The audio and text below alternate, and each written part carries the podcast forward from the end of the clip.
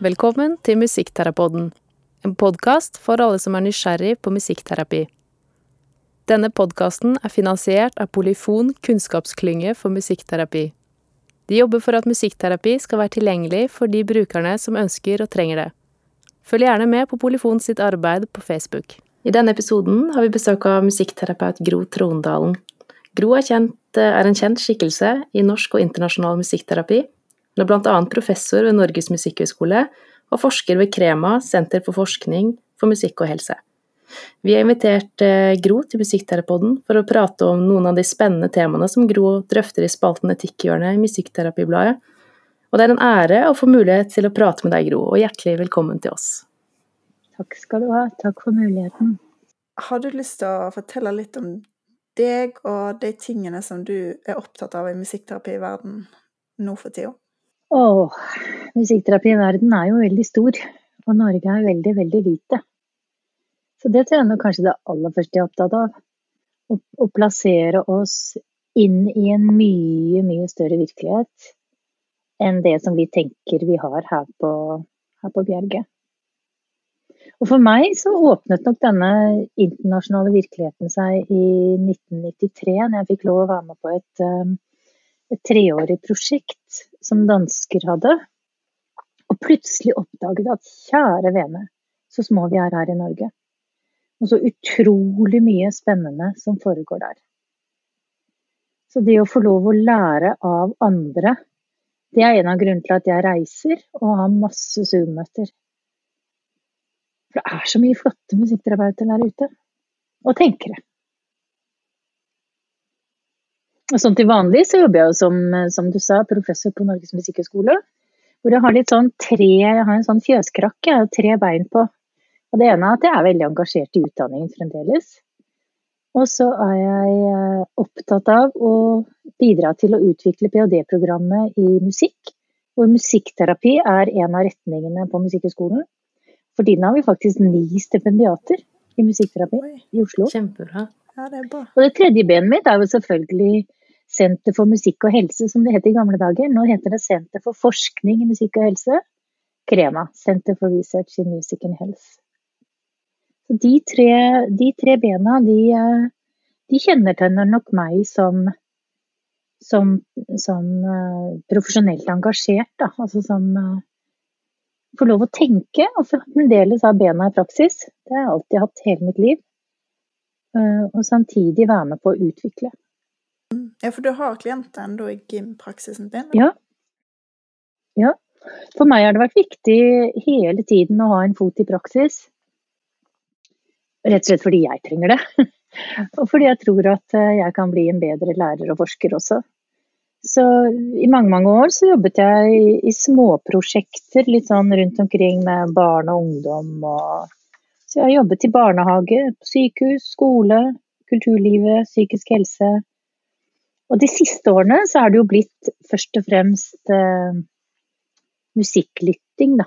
Som har blitt mitt eh, praksisengasjement som jeg kan gjøre på i en liten privatpraksis som jeg har.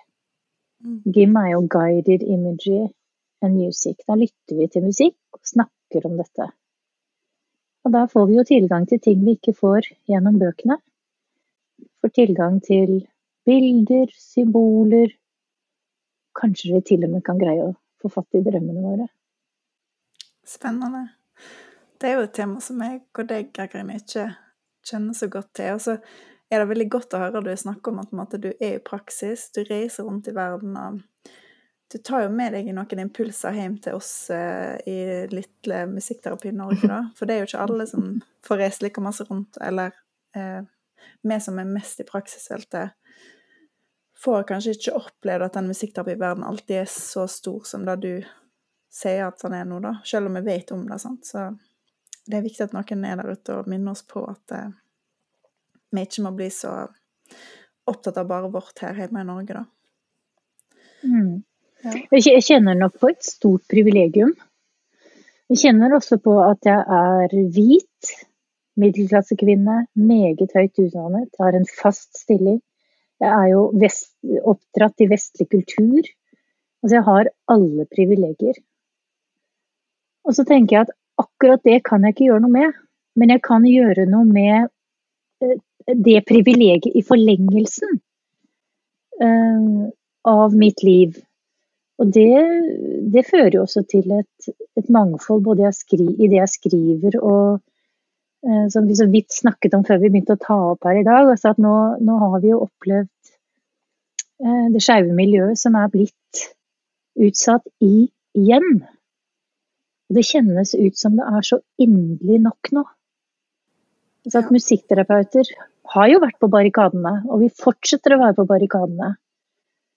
Um, og jeg er blitt, blitt, veldig opptatt av at ikke, ikke alle minoriteter, såkalt, eller utfordrede deler i samfunnet vårt, skal trenge å assimileres. Altså at de hele tiden skal tilpasse seg en kontekst eller et samfunn. Jeg er blitt veldig opptatt av at Eh, folk som ikke er Eller folk som er privilegert, også må utfordres og utfolde samfunnet vårt. Sånn at ikke det alltid bare er noen som skal tilpasse seg oss, men vi, da, privilegerte klasse, skal tilpasse oss andre. Og for meg er det på en måte mangfoldets um, kjerne, da. At tilpasning aldri må gå bare én vei. Ja. Jeg er Enig. For, og det er jo et, Kanskje vi har et større ansvar. Sånn. Vi òg sitter jo her, og jeg tok hvite damer med fast jobb og høy utdannelse. Eller en master mm. er jo en høy utdannelse. Ja, så, ja, visst er det Så det er jo Og det føles Jeg har følt meg sånn hjelpeløs i, i Spesielt etter vi fikk den uh, nyheten om den skytinga i Oslo, da. Mm. Fordi at uh, hva skal vi gjøre, vi som sitter her og ikke opplever dette på kroppen på samme måte, men vi har et ansvar. Um, ja. Og bare da Jeg har et pride-flagg på kontoret mitt som henger sånn at pasientene kan se det når de kommer. Og det skaper jo av og til noen fine samtaler uh, med mm. pasientene som Det er veldig lite, men liksom det er det der med å løfte blikket da, og vise at vi iallfall er på ja, enig med deg. Vi skal ikke tilpasse oss Eller de som er en minoritet, skal ikke alltid måtte tilpasse seg. Mm. Um, ja. Jeg tenker på noe så enkelt som Vi har jo de store gruppene uh, svarte, altså opprør og Vi kan jo snakke mer om, om det i forbindelse med etikk også, men, men, jeg blir opptatt av en ny gruppe som diskrimineres mer og mer i vårt samfunn, og det er eldre. Mm. Hva er det som skjer når man ikke får jobb etter man er 50? Kvinnelige skuespillere strever med å få jobb mye tidligere enn mannlige. Um, vi, har, vi har, liksom en sånn motsatt tanke om det å bli eldre. Vi har jo gamle, foreldre. Ja, det har endret seg så veldig. Og så har vi på en måte den der mer og mer vestlige tankegangen uh, ja, eller begynne i en annen ende, da, at I Østen så har man jo helt annet syn på eldre, hvor man ser at livserfaring, livsvisdom, oppgraderes. Så, så, diskriminering foregår på så veldig mange måter også i vårt land. Det stopper jo i stor grad allerede i Rikskanalen, da, hvor du må pensjonere deg når du er 70. Da får du ikke lov. Da får du liksom ikke jobbe mer. Så du får ikke sett noen på en måte som er eldre, sånn som Trond-Viggo Torgersen som pensjonerte seg nå. Det var jo ikke det at han hadde lyst til å gå av, Nei. men han ble 70, og da ja. måtte du gå av. Og det har vi snakket mye om med Anna Hellevale, når hun mm. snakker med Aldringshuben og sånn, at det er en diskriminering som skjer. og Trude Drevland er jo også veldig foreganger for dette. Hvorfor, hvorfor skal ikke vi få jobbe? Har vi liksom ikke mm. noe vett lenger når du, mm. når du blir eldre? Og da føler, kan mm. plutselig denne gruppen føle seg diskriminert, da. Noen som kanskje ikke har vært diskriminert tidligere i livet. Ja, eller kunnskapen, tenker jeg noen ganger på. Mm. Altså det å snakke med mennesker på 90 pluss, som er klare i hodet.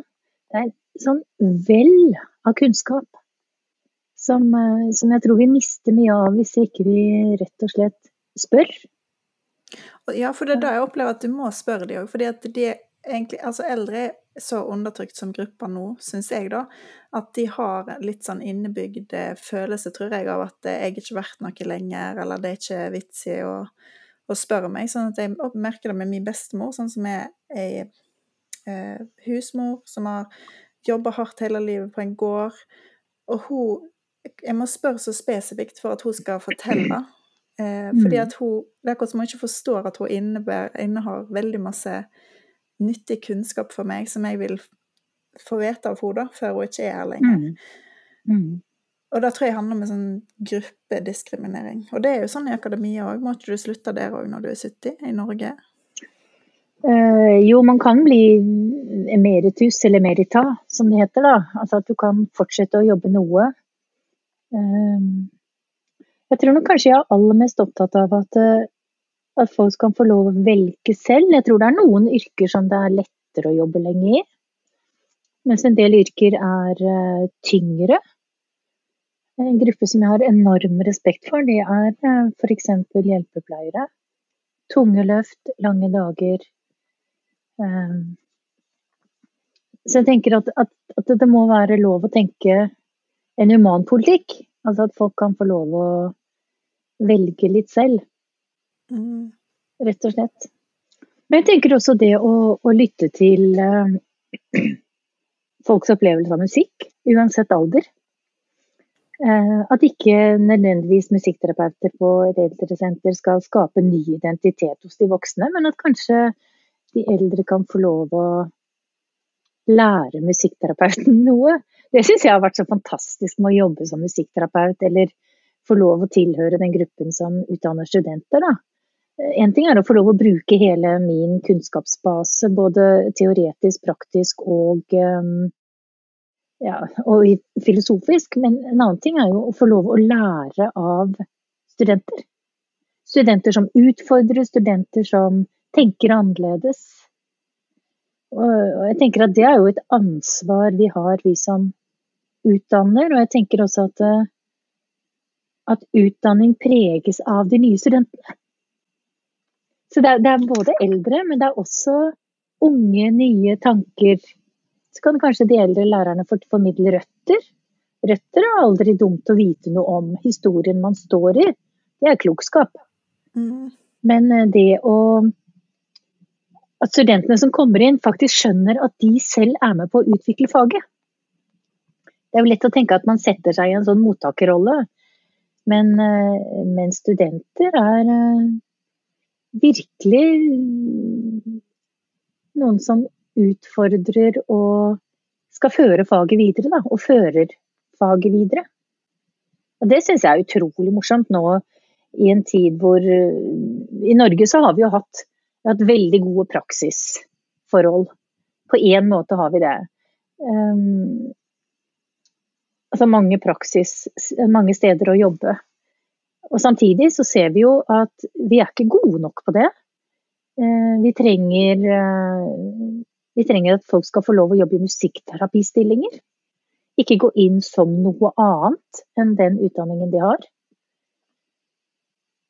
Så vi trenger å jobbe på så veldig, veldig mange nivåer. Altså det Én ting er utdanningen og utvikle fagfeltet vårt, eller disiplinen, altså tenkningen rundt fagfeltet vårt. Så trenger vi å utvikle ulike typer praksisformer i praksis. Og så har vi denne mellomposisjonen som er profesjonsutviklingen vår, som kom litt senere til norsk musikkterapi da, enn kanskje en del andre land. Så nå tenker vi jo rundt Skal vi søke om ny, ny um, Skal vi søke helse, Helsedirektoratet om å få godkjent musikkterapi som Altså autorisering, da. Mm. Og det er fint at vi diskuterer, for det er ikke bare noe som noen skal bestemme. Og kanskje det er en helt strålende å ha i helsevesenet, men kanskje det er mer utfordringen å ha det i kulturlivet? Eller kanskje det faktisk er sånn at tiden er nå at nå må vi få på plass en autorisering. Mm. Og det er jo hele gruppa må være med på, da. Fra de unge til de eller til de som har vært i gamet Ja. lenge, da. Og det er jo demokratiens eh, fantastiske sendrektighet. At vi trenger å ha alle på laget, og at alle skal mene. Og det er jo også det fantastiske med demokratiets mulighet. At gruppen kan fortsette å være noenlunde samlet i, i politisk fremdrift. Da. Det samme vil jo gjelde skal vi gå for spesialisering. Alle har leger og, leger og psykologer. Og det er jo ganske sånn betent debatt i feltet vårt akkurat Ja. da. Det er litt spennende at det det er viktig at det er det, og det er spennende Er ikke det Eh, flott? Du kalte det betent. Jeg syns det er helt strålende at det er debatt. Jeg er veldig, veldig glad for, veldig, veldig glad for debatt. Ja. For jeg tror vi faktisk blir bedre når vi debatterer. Jeg tror det. Jeg tror det er kjempeviktig. Så betent var kanskje et litt rart ord. Jeg syns det, det er veldig viktig. Aktivt. Ja. av og til ønsker jo jeg at um, For jeg er helt enig med deg. Når, en, når vi var studenter, så kjente jeg på det som du sier, sant, at, det, at vi hadde det var, Vi var med å utvikle faget og drev det videre. og og vi, fikk vite det veldig ofte, vi studerte jo i Bergen, sant? men Mm. at dere er med og liksom drifter dette faget framover og kan sette deres preg på det. Og da opplever jeg jo enda òg i ute i Mm. praksisfeltet. Men jeg savner jo eh, det der at vi samler oss enda mer rundt disse fagpolitiske spørsmålene, som du sier. For jeg skulle ønske at enda flere var med og debatterte dette med spesialisering. Mm. eh, Og at enda flere stilte spørsmål med det med om vi skal få eh, autorisering, da. For det er store, viktige spørsmål som Mm. Ja, det er jo det, og du får følger, ikke bare Det får lange følger. Ja. Mm. Det får være følger for resten av livet til oss som har tenkt å jobbe som musikkterapeuter. Ja, ja. Og Derfor syns jeg det er så fint når noen, når noen på en måte legger et type grunnlag som man kan begynne å diskutere. da. Men at f.eks. konferansene som vi har, fortsetter å debattere temaene helt åpent. Helt til det blir en eller annen form for konsensus gjennom enten det er foreningene eller utdanningene eller arbeidsgrupper eller hva det er. Men jeg tror jo veldig på det, å holde debatten ved like. Ja. Ja. Og det er jo fint, for jeg kan miste litt motet når jeg har skrevet en, liksom, en kommentar, sant? og så får jeg ingen tilbakemelding. Men så kan jeg miste litt motet og tenke sånn Er det bare meg som bryr seg om dette her? Sant? Så jeg syns det er godt at du sier det, at liksom, det er fremdeles eh, At en må kanskje jobbe mer aktivt for å ta del i de diskusjonene, da. Ja. Ja. Og da kan jeg bekrefte det er ikke bare deg. Nei. men, jeg, men jeg tror kanskje det er litt interessant fordi at eh, jeg tror kanskje noen også kan Hvordan skal jeg si det? Altså at, at de kan kjenne på en tretthet som musikkterapeut. Det er i hvert fall flere som har tatt kontakt og snakket om det. Um, og det er jo et tema som, som vi tre snakket så vidt om før vi startet her også. Og det, det er jo hvordan skal vi få til en bærekraftighet for oss som musikkterapeuter og for yrket vårt. Og én ting er jo på en måte å ha de politiske føringene, men en, ting, en annen ting er jo at på, på praksisnivå så, så, så setter musikkterapeuter bærer mye, da, for å si det sånn. Ja, og det er jo noe som vi har snakket mye om, meg og Karoline, Ja. i det siste. da. Det er jo kanskje en av de tingene som har vært litt viktig for oss å snakke med deg om òg, for du skrev jo den veldig fine etikkspalta da under koronatida, der du skrev at kanskje tida er inne nå for at musikkterapeuter kan eh, tenke litt eh, etikk rundt det å ivareta seg sjøl. Mm. Så vil du si noe om det som du tenkte når du skrev den? eh? Ja, hva tenkte jeg da? Jeg tror faktisk det går, øh, det går mange år tilbake for meg. Mm. Eh, og bakgrunnen er faktisk, for å, for å tenke de tankene, selv om de er formulert kanskje litt annerledes nå enn i starten, det, det er jo bakgrunn i Jeg gikk og snakket med en kollega, jeg hadde vært opponent i Limerick. Gikk og snakket med henne etter den opposisjonen. Og hun hadde da fått i, Hun heter Jane Edwards. eh, Hadde fått i oppdrag fra Oxford University Press å lage en håndbok i musikkterapi. Og så gikk vi og snakket om sånn, drodlet med kolleger imellom, hva, hva skal en sånn håndbok være? Hun hadde mange, mange tanker om det. Og så begynte vi å snakke om self-care. Hvordan tar vi faktisk vare på oss selv for å kunne ta vare på andre? Så, og så tenkte jeg ikke noe mer på det, og så dro jeg hjem, og så gikk det noen få uker, og så skri, skriver hun at det kapitlet måtte du skrive. Om self-care. Derfor kom bokkapitlet i Oxford University eh, Handbook of Oxford, ja, Oxford Handbook of Music Therapy. Siste kapitlet der heter self-care. Så det var faktisk bakgrunnen. Um, så det bruker vi også drøfte litt i undervisning. Og da går jeg gjennom litteraturen. Hva sier litteraturen om musikkterapeuter og utbrenthet? Og da ser man at veldig mange hjelpefunksjoner, deriblant musikkterapeuter, eller folk i hjelpefunksjoner, blir veldig slitne. Altså en sånn type utmattethet. Um, fordi det er, så, det er, så, veldig veldig lett å hjelpe andre uten å hjelpe seg selv, på en måte. Og det er jo den Når jeg snakker om dette, så tar jeg ofte sånn holder for nesa og sier husk på hvordan de sier på fly. Please put on your mask before you help others. Og det er jo noe med at man må ha egen oksygen for å kunne hjelpe andre. Og så, Samtidig skal vi jo ikke bare bli fullstendig eh, hva heter det, indulge. Vi skal ikke fullstendig liksom bli i vårt eget, men, men det å, å, skape seg lommer for å ta vare på seg selv. I en posisjon hvor man også skal ha en hjelpefunksjon. Og Det er jo mange måter å gjøre på. Og Det mange sier er jo at arbeidsforholdene er utmattende. Forskningslitteraturen viser det at hvis man har ikke bare at man er i konflikt, men at det er utmattende arbeidsforhold, at det ikke legges til rette for gode pauser eller eh, godt eh, samarbeidsklima f.eks. At det er utmattende sånn både fysisk og psykisk. Og så er det flere som rapporterer at de glemmer at musikken selv kan være å gi næring, på en måte. Um, og For meg er ikke det noe sånn romantisert syn av hva faktisk musikk, musikk kan være, men at, at vi, vi, som musikkterapeuter lett kan glemme at musikk også tilbyr noe til oss. Ikke bare i et fellesskap, men meg og musikken som en relasjon. Um, og det er jeg nok blitt opptatt av, hvordan vi kan bli tydeligere Selv så kan jeg eh, lage spillelister, eller sette meg ned intuitivt hva, hva trenger jeg å høre nå. Et eksempel som jeg hadde faktisk i etikkhjørnet. Nei, det kommer nå. Det kommer nå. Um, det er at jeg, jeg skriver at um, Dere hører jo på meg at jeg er østlending. Og, og mitt, min, uh, mitt temperament er nok litt sånn som fjellene på Østlandet. Litt sånn slake. Men når lederne i Russland gikk inn i Ukraina, jeg ble altså så sint virkelig sint og krenket på vegne av eh, demokratiske tankesett. Um, og jeg var virkelig opprørt. Jeg er fremdeles opprørt. Jeg kjenner det når jeg snakker om det. Så jeg måtte lete etter musikk som kunne ivareta den opprørtheten.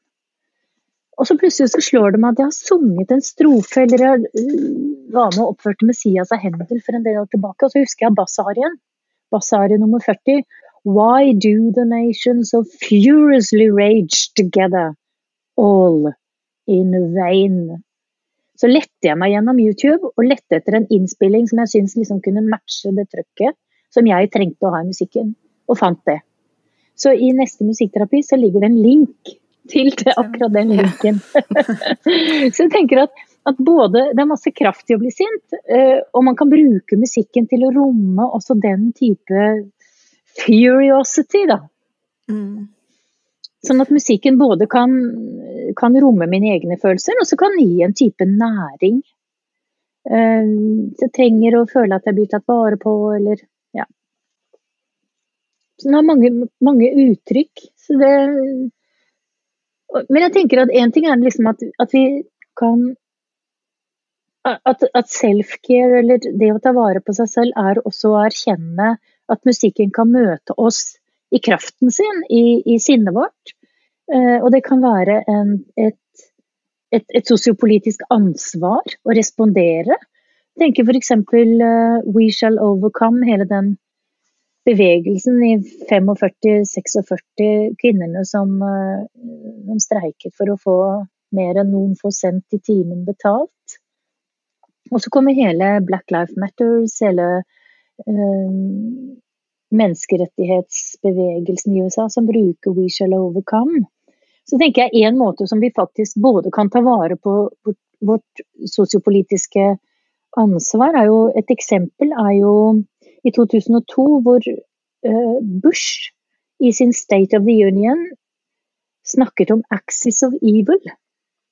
Altså denne ondskapens akse hvor eh, Kirkelig kulturverksted med Erik Hillestad i spissen lagde en motsats.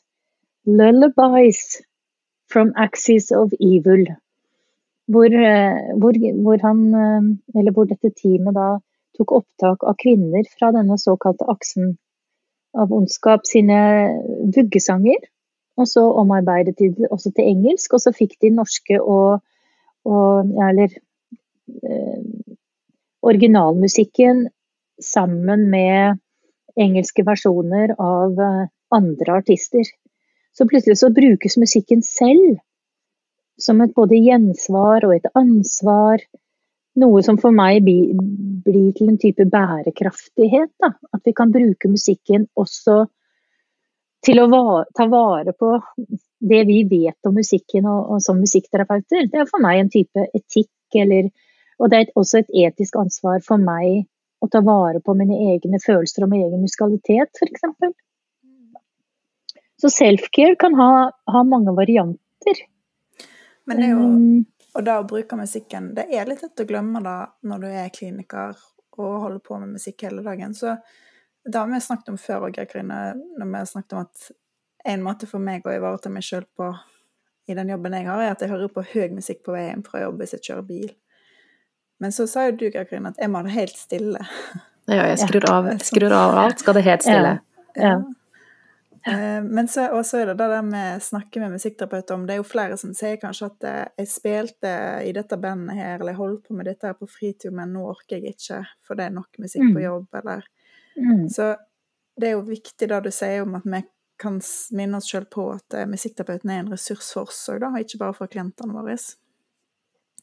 For jeg kan jo ja, kjenne på at en kan glemme det litt ut.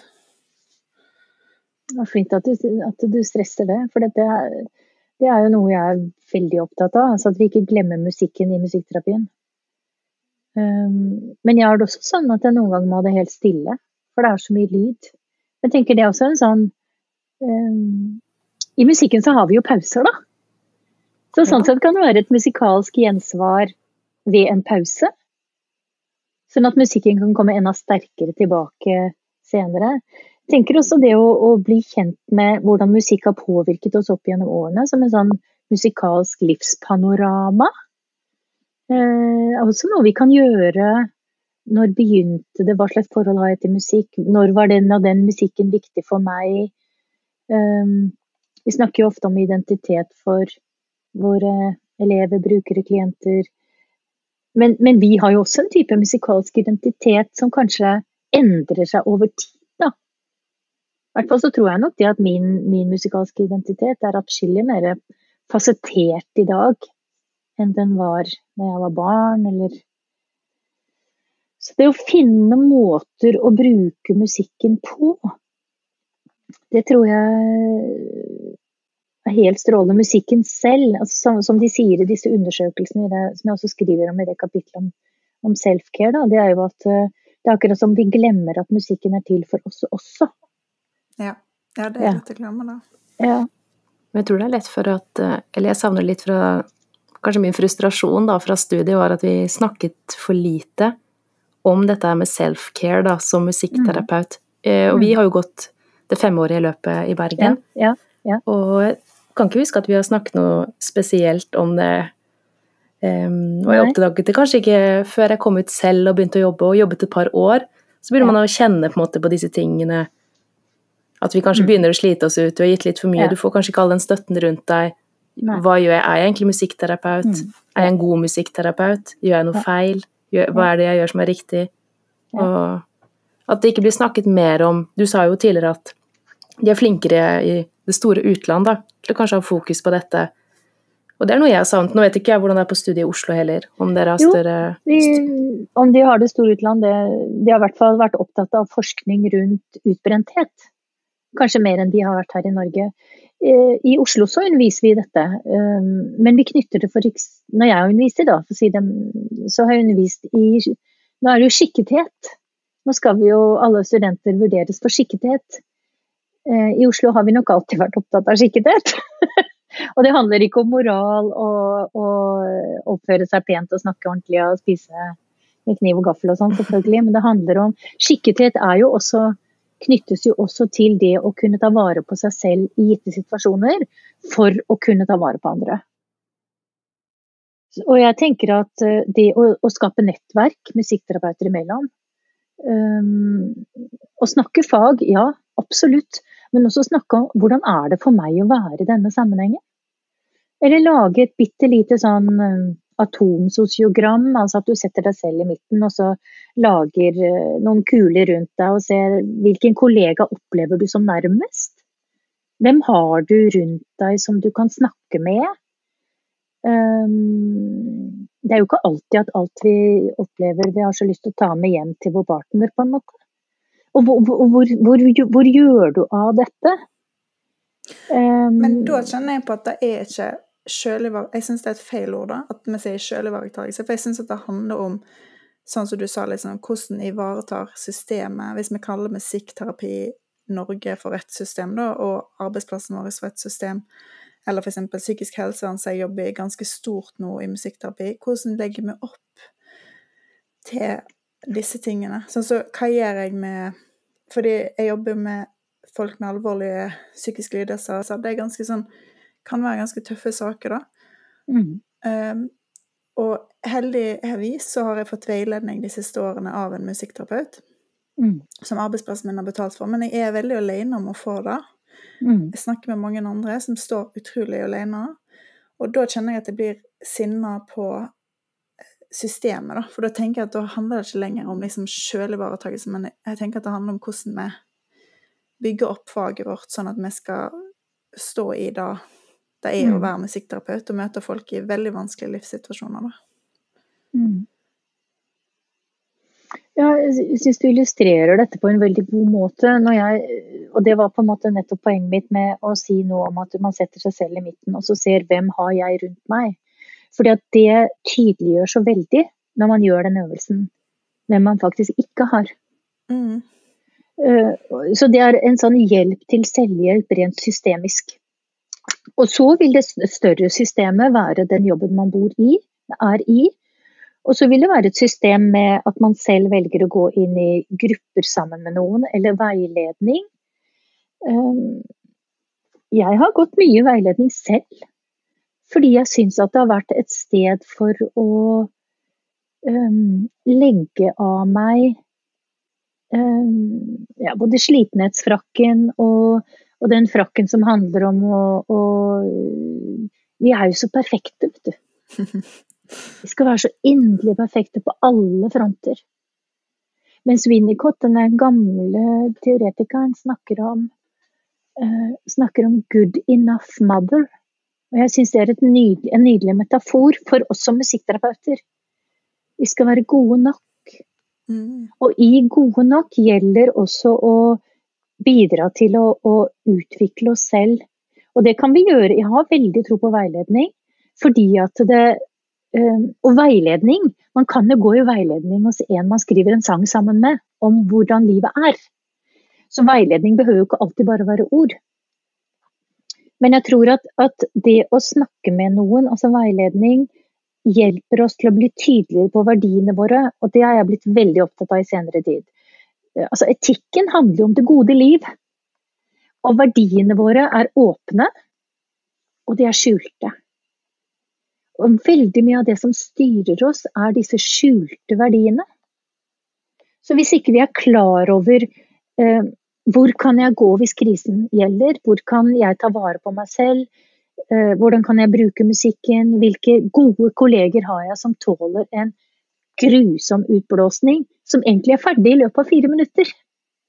Men disse rommene for å ta vare på oss selv, hvis vi, hvis vi ikke vet om disse åpne verdiene og hva som styrer oss i disse skjulte verdiene. En skjult verdi kan være 'jeg skal jo ikke bry henne', eller 'jeg har en sjef som ikke tåler dette', eller Altså alle disse øh, Egentlig så burde jeg vært bedre. Dette burde jeg tålt. Så er det ikke sikkert at du egentlig skulle tålt i det hele tatt. Jeg tror de fleste musikkterapeuter tåler altfor mye. Da tror jeg òg. Og så kommer ja. det igjen Eller så plutselig snakker du med noen, og så bare forteller de om noe som de bare, så kanskje de undergraver dem og sier sånn Nei, men det var ikke så gale. Men så blir det sånn mm, Jo, vet du hva, hvis jeg hadde vært ja. Hvis du hadde vært musikkterapeuten til den personen som fortalte deg disse tingene her, så hadde du tatt det sånn ja. på alvor, tenker jeg da. Og sagt at dette her er viktige ting å snakke mm. om. Så jeg tror kanskje det studiet kan gjøre, er å peke på det. At i skikkethet så handler det om å ta vare på seg selv også. Og så kan man faktisk bruke studentgruppa til å si hva er det å ta vare på seg selv?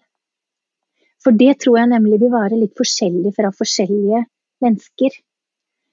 Eh, når man er nybakt mor første året da, så er man jo helt sånn i unntakstilstand overalt. For det er faktisk sånn det er. Det er fantastisk fint, det er fantastisk slitsomt, man sover ikke, du aner ikke, spiser barnet. Altså, eller at man kommer i en ny jobb. Er jeg god nok? Funker dette her? Hvordan skal jeg gjøre dette? Og egentlig ønsker jeg å ha musikkterapijobb, men jeg har en miljøterapeutstilling, jeg har en lærerstilling. Så det å bli bevisst på alt dette her, og ta det med et sted, så, så, så er det av og til at man faktisk greier å le litt av det også å få hjelp til å være kreativ rundt å finne strategier på hvordan man kan møte det. F.eks. tenk på én ting til, hvis jeg kan. Ja, ja. Og det var sånn som når man eh, eh, Når jeg har jobbet i, i tungt psykisk helsevern, så, og det har jeg bare gjort i prosjekter, så kan det være at jeg nesten føler at ting er klistret på meg metaforisk, eller at jeg er helt utslitt. Bare en sånn helt enkel ting som å gå en liten tur inn på ja, et rom eller toalett eller hvor du er. Og, og, og nesten bare stryke av deg. Ta én hånd og stryke nedover armer og slippe alt ned på gulvet. Altså sånn fysisk måte å bli kvitt ting. Få det av seg. Eh, det er sånne eksempler som vi driver med på utdanningen. Gir noen øvelser hvordan man faktisk fysisk kan ta vare på seg selv. Og så er det jo alle disse følelsene vi har altså rundt å jobbe med mennesker med spiseforstyrrelser, som jeg har gjort. Jeg tror aldri jeg har følt meg så tykk.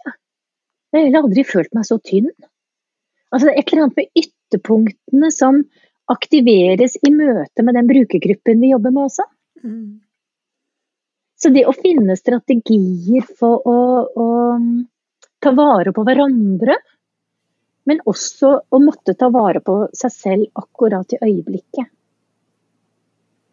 Ja, kjempeviktig. Jeg tror vi blir mye Jeg tror man kan bli mye usikker på, en måte, på seg selv som musikkterapeut, også i møte med andre profesjonsgrupper da, som kanskje ikke helt skjønner hva vi gjør, og som stiller mm. spørsmål ved det vi gjør, mm. og kanskje sammenligner deg med en musiker da, som kommer og spiller, er ikke dette det samme?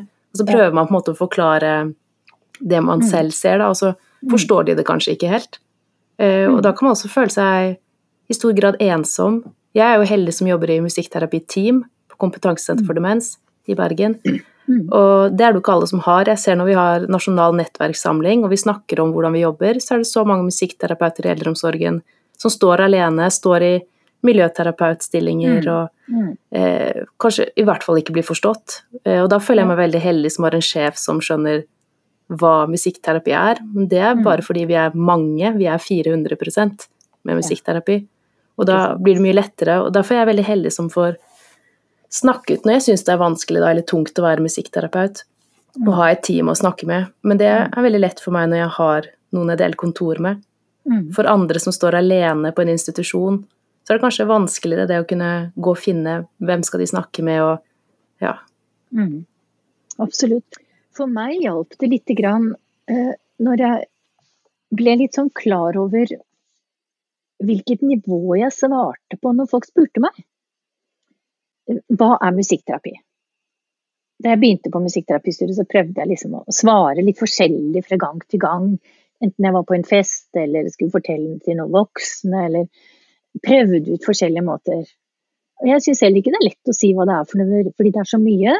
Og så er det én ting til, og det er at eh, i Norge så har vi jo valgt å ha en utdanning som er såkalt eklektisk. Vi lærer mye om mange ting.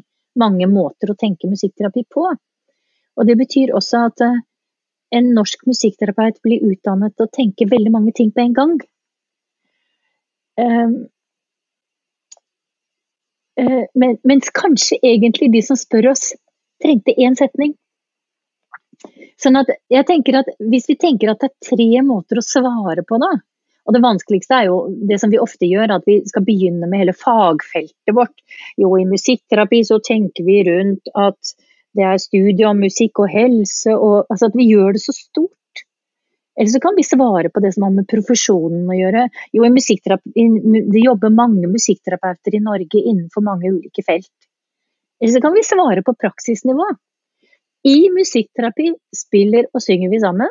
Vi forteller livshistorier sammen, og folk utvikler seg på den måten de selv trenger.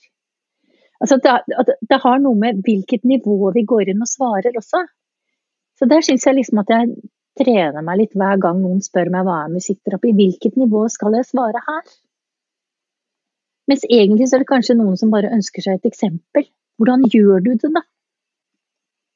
Jo, i, innenfor eldre musikkterapi med eldre, så synger vi sanger. Aktiverer minnet. Og tar imot opplevelsene som kommer. De blir minnet på hvem de er. Og jeg som musikkterapeut blir minnet på hvem jeg er i møte med dem. Så det er så veldig mange måter å svare på.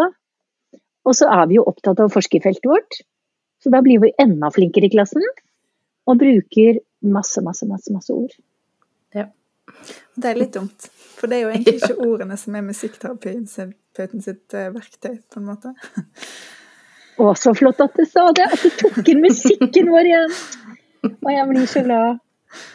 Fordi at det, det er jo gjennom musikken som vi kan forandre verden. Vi kan utvide vår livsramme. Vi kan opprettholde liv. Fordi musikk er jo kunst og estetikk. Altså estetikk handler jo om Lærte en gang at det kom fra det greske estetikos. Altså det å sanse ting.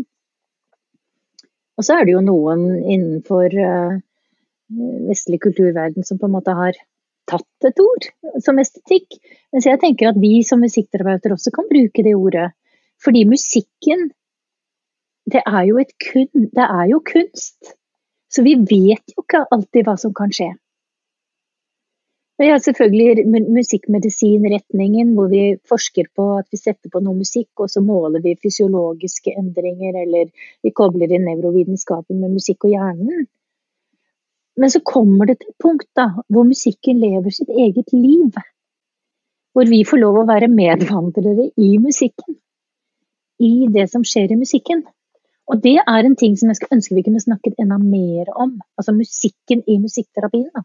Men da er nøkkelen inn, har jeg fordi, Eller da føler jeg, da. Fordi at nå har jeg begynt en ny eh, jobb der musikk skal implementeres. Sånn så jeg er alene på den institusjonen, og det er litt slitsomt. Og vi begynner på nytt. Til mm. eldre jeg blir, til mer slitsomt syns jeg det er. Så eh, Men da er det Det er musikken som er nøkkelen. For du, jeg føler at jeg kan snakke om det på teammøte og prøve å fortelle, men jeg, jeg, føler ikke at jeg får det til, på en måte, eller liksom kommer ikke til forståelsen. Men så OK, så arrangerer vi noen konserter, så har jeg noen åpne mm. grupper, så oppmuntrer jeg personalet til å delta i de gruppene. Og så får de en opplevelse av det som du snakker om nå, av det estetiske, eller liksom det musikken tilbyr mm. i relasjon. Mm. Og da skjønner de hva musikkterapi er. Så mm. det er på en måte Da syns iallfall jeg da at det, eh, det, er lett, det, er mye lettere å ta musikken i bruk enn å ta språket i bruk, da. Eh, for at folk skal skjønne hva vi egentlig snakker om. mm. Ja.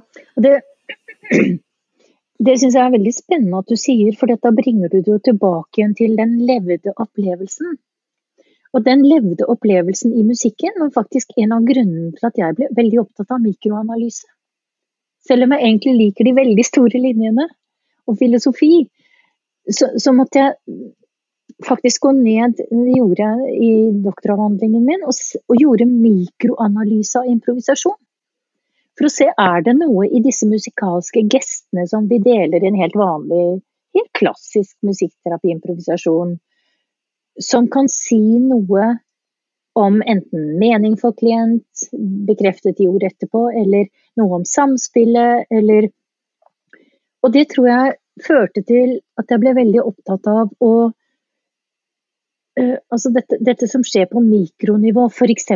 når vi jobber som musikkterapeuter, da så, så kan vi synge i barnehagen, da. Er Ole kommet? Og så svarer Ole da ved å strekke bena sine rett ut. Eller Kari svarer uten lyd, men rekker opp hendene. Og det er jo svar. Sånn at det, det der i, i musikkterapi å lære oss til å ordsette det vi ser, og snakke om f.eks. A-modalitet, altså kryssmodalitet.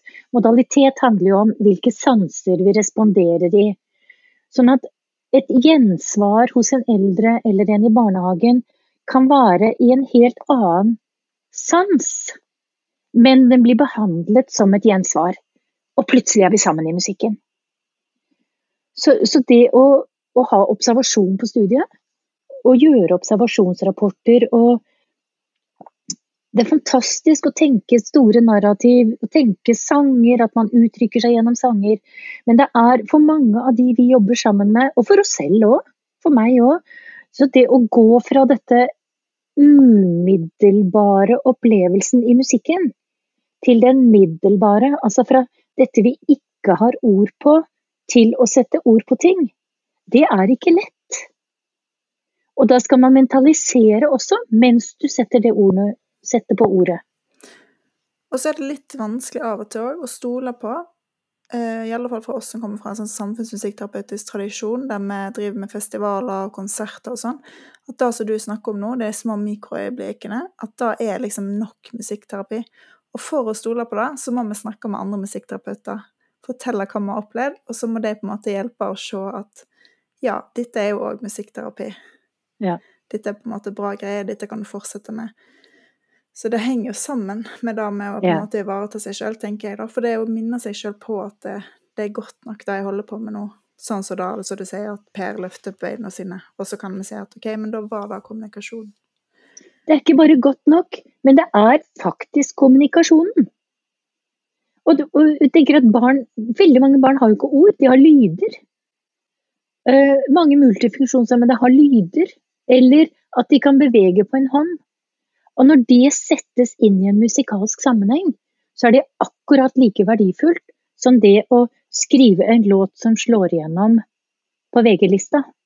Altså at, at, alle, det, Jeg tenker jo det er det vi det er hele det etiske grunnlaget for oss som musikkterapeuter.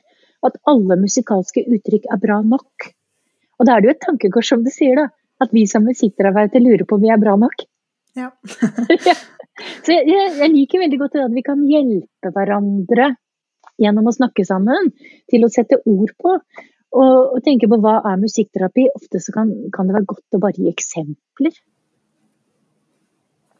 Jeg syns ofte at det som er på mikronivå, eller det som handler om intersubjektivitet, er på en måte kanskje det fineste da, i musikkterapi. Ja, når vi er sammen om noe, greier å være sammen noe, følelse av tilhørighet og ha en felles opplevelse, da. Og ingen av de mm. felles opplevelsene blir jo noen ganger identiske. Altså det er ulikt mm. hver gang måte vi har musikkterapi. Selv om jeg spiller samme sangen med en beboer, så vil opplevelsen være forskjellig fra gang til gang. Jeg synes jo, og de små tingene som skjer, er det fineste. Men jeg syns også det er det vanskeligste å kanskje forklare til andre hva jeg har sett, og det jeg, som mm. jeg opplevde som stort, da. Mm. Um, mens andre ansatte kanskje syns det at Helga sang med på en sang, at det på en måte var det mm. største. Hun som ikke pleier å snakke så mye. Mm. Mens for meg så var kanskje et lite smil, et nikk, løfte en finger, mm. trampe mm. litt takten, var på en måte det store, hvor jeg tenkte wow, dette ja. Nå hadde vi en bra stund sammen. ja. Ja, så flott. Jeg tenker også at Musikkterapeuten har så mange kompetanser, og, en av kompetansene som vi har og kan trene på, er jo på en måte å romme alle opplevelsene rundt musikkterapien. Som du sier at, at én opplever det, én opplever det. Og det å bekrefte at ja, det er jo så spennende med musikkterapi. Fordi at kommunikasjonen kommer til uttrykk på så veldig forskjellige, mange, mange forskjellige måter.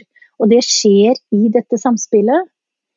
Eh, og det kan være intersubjektivt, men det kan også være at man har en synkronisering mm, som kan være, én form for intersubjektivitet. Men det å, å bruke vår egen observasjonsevne og sette helt enkle ord på det vi ser, fra mikronivå til større Du nevnte kulturfestivaler. For meg er det på en måte Det er som en hånd, da. Hvor, hvor det bare er ulike ulike uttrykk for å være sammen i musikk. Og noe vil jo være ordsatt. Og noe vil alltid være på en måte skjult for oss som musikkterapeuter også. Og det får være greit. Sånn at det å ta inn i oss den der implisitte kunnskapen som er relasjonell F.eks. kan vi tenke at vi har liksom to typer Sånn som jeg tenker da, så har vi to typer kunnskaper. Det ene er den verbaliserte. Som vi, nå sitter vi og snakker sammen, eller man er på en kulturfestival med en sang. Og så er det den andre som er ikke-verbal, men som er generalisert. Altså du mm, Vet ikke om dere husker når dere lærte å sikle? Plutselig så kunne dere sikle.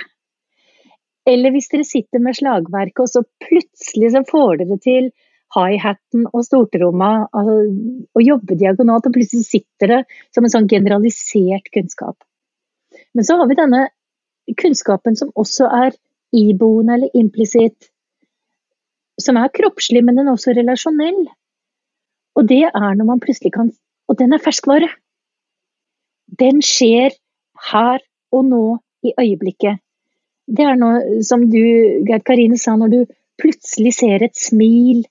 Plutselig så skjer det noe her og nå. Og det som skjer her og nå, det er et fellesskap, men det er ikke identisk, fordi vi er forskjellige. Så det der å, å ta vare på relasjonen, enten det er på en festival eller i dette uh, mikronivået, det er like viktig. Men det er bare forskjellige uttrykksformer, sånn som jeg tenker. Men det, det som jeg tror kanskje musikkterapeuter er gode på, da, er jo å se disse relasjonelle, iboende øyeblikkene. Som jeg igjen minner om er ferskvare. Det er ikke noe man kan Du kan forsøke å tilrettelegge, men du vet ikke når du ser. Det er noe, når man deler noe. Og da er litt sånn Det kommer spontant, da, på en måte, kanskje? Ja. La meg gå tilbake til eksempelet som jeg husker selv fra en, en mødre- og barngruppe jeg hadde i en barnevernsinstitusjon.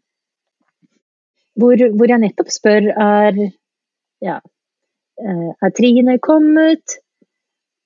Og så svarer hun med å sitte på fanget til mor og svarer med å ta bena rett ut. Og jeg bare bekrefter 'du er her'. For det har hun jo svart med allerede. Og når den musikkstunden var over, før hun skulle gå. Hun hadde vært i barnehage hele dagen. Så ser hun på meg og sier hun, 'Jeg er ikke sliten jeg når vi synger sånn'. Og hun hadde altså vært i barnehagen fra tidlig om morgenen, ble hentet helt på slutten av dagen og kom sammen med mor i denne musikkgruppen. Jeg var sliten, alle var slitne. Men, men det å bli anerkjent nesten på et sånt eksistensielt nivå da, gjennom sansene, og bli tatt på alvor på det, så, så kan hun faktisk greie å verbalisere det etterpå. Ikke sliten jeg når vi synger sånn. Og det tror jeg handler om, om disse eh, musikalske relasjonsmøtene som er der enten du er eh, og snakker om musikkterapi i eh, et eller annet sted, eller dette mikronivået. Så det var derfor jeg måtte skrive om relasjoner. Fordi det er relasjoner til musikken, det er relasjoner til hverandre, det er relasjoner til konteksten, den lille konteksten, den store samfunnskonteksten. Vi er i et sånt nettverk av relasjoner, da. Men dette kan jeg snakke veldig mye om. Men, kan, ja, ja, men, men, det er jo da Jeg liker å se at du liksom bruker musikk for å tilby en relasjon, da til For det er jo mange som har dårlige erfaringer med relasjoner, sant? og så er musikk en trygg måte å tilby en relasjon på. Og det er jo veldig masse mer du snakker om nå, men det er jo òg det som er så utrolig viktig, som mange trenger. Og kanskje vi da kan gå innom på det siste som du hadde litt lyst til å snakke om i dag, sant? altså hvem er musikkterapeuten? Hvem er musikkterapeutene i dag? Du hadde lyst til å si litt om hva er det med musikkterapeutene? Hva er det med musikkterapeutene i dag? Sånn ja. hva er det med oss? Det lurer jeg også ofte på. Ja, hva er det med musikkterapeutene? Nei, altså Hvorfor jeg hadde lyst til å si noe om det, fordi at jeg, jeg, jeg lar meg imponere, jeg lar meg berøre, jeg lar meg inspirere. Altså utrolig mange flotte musikkterapeuter. Altså, de er dyktige musikere. De er tenkende mennesker, de er engasjerte mennesker. Og de står i tøffe arbeidssituasjoner, ikke bare én dag, men over år. Kasteball mellom systemer. og allikevel så står de. Um, og de står der for å opprettholde den derre gode kommunikasjonen av um, relasjonelle møter, men også for på en måte å, å, promotere betydningen av musikk, da. Og det er for meg knyttet igjen til etikk. Altså at, at, at, det gode livet for meg inneholder musikk. Og musikk kan være mye, eh, men at det også er en dimensjon som jeg etter så mange år fremdeles leter etter ord for å fortelle om. Og som er så dypt i meg at um, At det er, det er, en sånn type livsbetingelse i mitt eget liv som, som sprenger på en måte um, ja, dere hører jeg strever litt med å finne ord. For jeg tror at altså, musikk har alltid betydd så veldig mye i mitt liv. Og jeg tror at det betyr mye i mange menneskers liv. Og jeg tror også, og det minner meg litt, litt om, om, dagen i dag, altså at, at, musikken sprenger så mange rammer, og at det også faktisk kan brukes uheldig. Um, og det er jeg også blitt opptatt av, altså hvordan musikken kan fungere destruktivt. Og det er jo ikke noe nytt nå. Altså, vi kjenner det jo fra tortur eller fra krig hvor ja, f.eks. store verker eller store komponister ble brukt i, i tortursammenheng. Eller, eller, til å promotere visse, eh, visse, politiske budskap. Men jeg er opptatt av at musikken tilhører alle. Enten mennesker greier å artikulere at de trenger det eller ikke. Eh, men jeg er også opptatt av en frisk bruk, altså en positiv bruk av musikk. Så, så vi vet jo eh, jeg har snakket med mennesker som har brukt musikken ja, til å selvskade, eller til um, Fått råd på det mørke nettet om å bruke musikk på, på visse negative måter. Jeg tenker på en måte at, at musikkterapeuten må fortsette å, å, være en sånn type fyrtårn. En, en, en, en, positiv bruk av musikk. Som er etisk fundert i vår virkelighet. Da. Så for meg så handler det om at, at alle mennesker har rett til musikk. Um, og jeg syns det er morsomt å tenke Dere har utfordret meg litt noen ganger. Uh, jeg husker ikke om det var akkurat nå eller om det var før vi snakket sammen. Altså, på det, det dere kalte feministiske tanker. For meg så har det alltid vært viktig å ha mennesketanker. Uh, og en type likeverd mellom uh, kvinner og menn. Og så ser jeg jo at jeg lever i det samfunnet jeg gjør. Og jeg har med sjokk og vantro f.eks. gått gjennom litteraturlister, både i masteroppgaver og partikler, som inneholder tilnærmet ikke kvinner. Det er jo sjokkerende. Og det er et, et, et, så stort hull i vårt fagfelt at vi er nødt til å begynne å, å se gjennom litteraturlistene våre. Så vi får med det flerfoldige perspektivet. Enten det er eh, altså all slags type litteratur. Da. Så vi ikke skaper en, en type hegemoni, eller at, at det er noen, noen forskere som, som, virkelig blir dratt frem. Noen fortjener å bli dratt frem. Altså, og det har vært poenget mitt, at, at man, skal, man, skal, referere til kvinner fordi de er gode. Men man trenger ikke å referere til kvinner bare fordi at det er mye bedre enn menn. Og det er det en del kvinner som faktisk er. Det har jeg jo sett og lest gjennom så mye evalueringer som jeg holder på med. Men det betyr ikke at ikke Ehm, eller ja, la meg gå til de første musikkterapeutene. Det var jo kvinner. Ja, for det var fem Lenge. kvinner, var det ikke? Ja, det ja. var det. Ja. Som, som, jobbet for å utbrede musikkterapi beskjedent. Eh, jeg, jeg har ikke musikkterapiutdanning, som Ellen Boysen sa, men selvfølgelig var hun en dyktig musikkpedagog. Og banet veien for um, ja, bl.a. det som ble utdanning med med Even og Tom og Unni som pionerene. Og så har det jo kommet masse, masse mennesker etter hvert. Men uh, jeg tenker også i teoriutvikling. Uh, disse bøkene fra Barcelona Publishers med Even Brynjulf og Rudi. Så er det selvfølgelig bøker med like sterke teoretikere, med Randi Caretta og meg. Og så har jo Viggo kommet inn nå også på Barcelona. Så Barcelona har jo på en måte tatt opp i seg um, en, en, tja, skal vi kalle det flerfoldighet, da? Ja, men, jeg, Um, men det er et problem. Ikke bare Eller jeg, det er i akademia Altså, når vi ble undervist når vi studerte begynte i 2011, så var det flest menn som underviste oss, men det har det jo endra seg òg. Ja. Eh, det er kommet inn utrolig dyktige folk, f.eks. Claire Getty, som er kanskje en av de flinkeste uavhengig av kjønn, forskerne jeg noen gang har møtt Mm. sant, på musikkterapifeltet. Det er så mange flinke, heldigvis, at liksom det blir plass, men, men det har vært Og det som har vært tøft for meg, som jeg syns vi òg må si noe om når vi snakker om dette, det er det at eh, når jeg begynte i psykisk helsevern, når jeg var ferdig utdanna i 2016-2017, begynte jeg å jobbe, da var jeg den eneste dama som jobba på en DPS i bergensområdet, og de ansatte musikkterapeut på alle DPS-ene samtidig. Det var mange som ble ansatt da.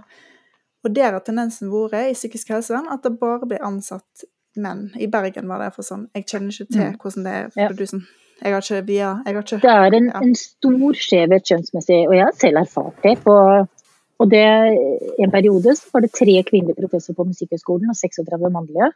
Og jeg var en av Nei, fire var vi. Fire var vi. Og jeg har vært i lederposisjoner på høyskolen, og, og det forekommer de utroligste kommentarer og Så alt dette her kjenner jeg. Alt Mm. dette kjenner jeg. Men jeg har liksom på en måte valgt å tenke at, at dette handler om mye mer enn kvinner. Det handler om en mangfold. Det handler om diversity, det handler om kjønn. Um, hvordan vi snakker om ulike typer kjønn. Uh, og, så, og det som på en måte er, Når jeg sier dette med pensumlister, så er det jo en mangel Jeg syns i hvert fall en periode at det var en stor mangel på kvinnelige rollemodeller. Sånn at jeg måtte finne min variant i å, å være kvinnelig professor. Og være den første i Norge, og det var jeg i flere år. Eh, jeg var den første kvinne som tok ph.d. i Norge.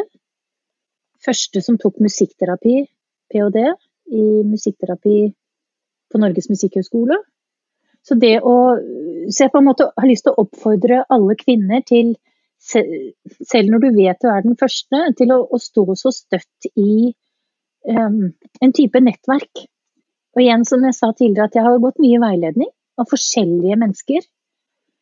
Um, og hatt gode rollemodeller i veilederne mine, f.eks. Men at vi har hatt en skjevhet i akademia i Norge, uh, det har vi hatt.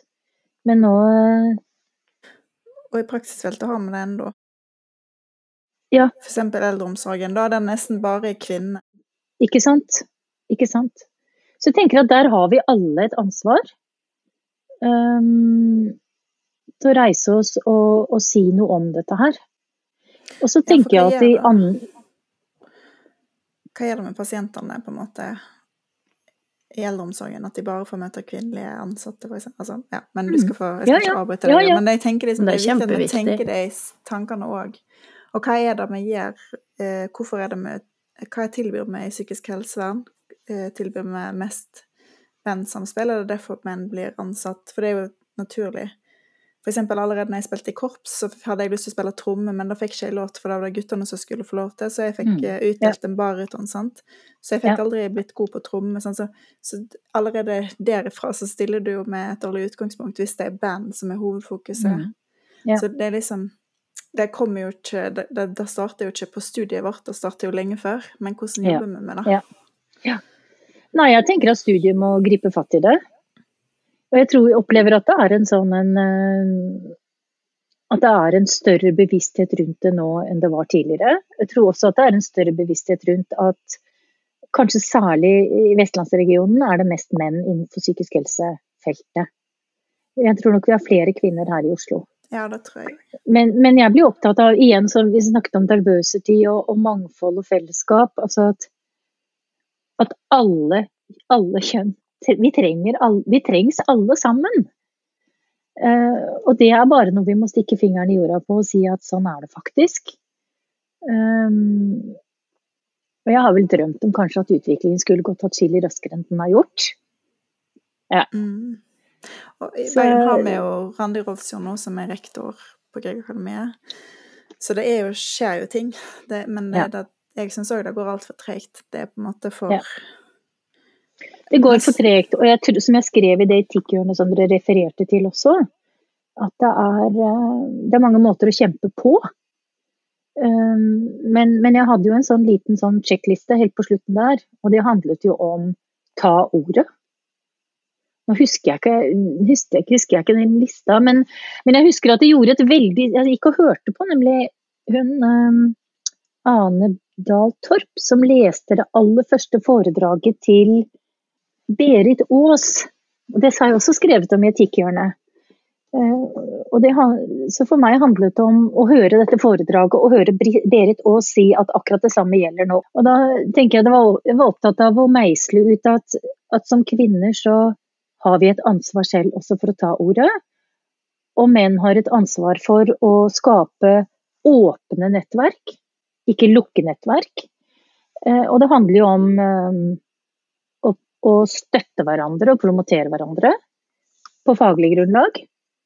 Ikke nødvendigvis bare kjønn, men på faglig grunnlag. Men, men, det er jo et tankekors for meg at nå gjennom covid så, så publiserer kvinner mye lavere.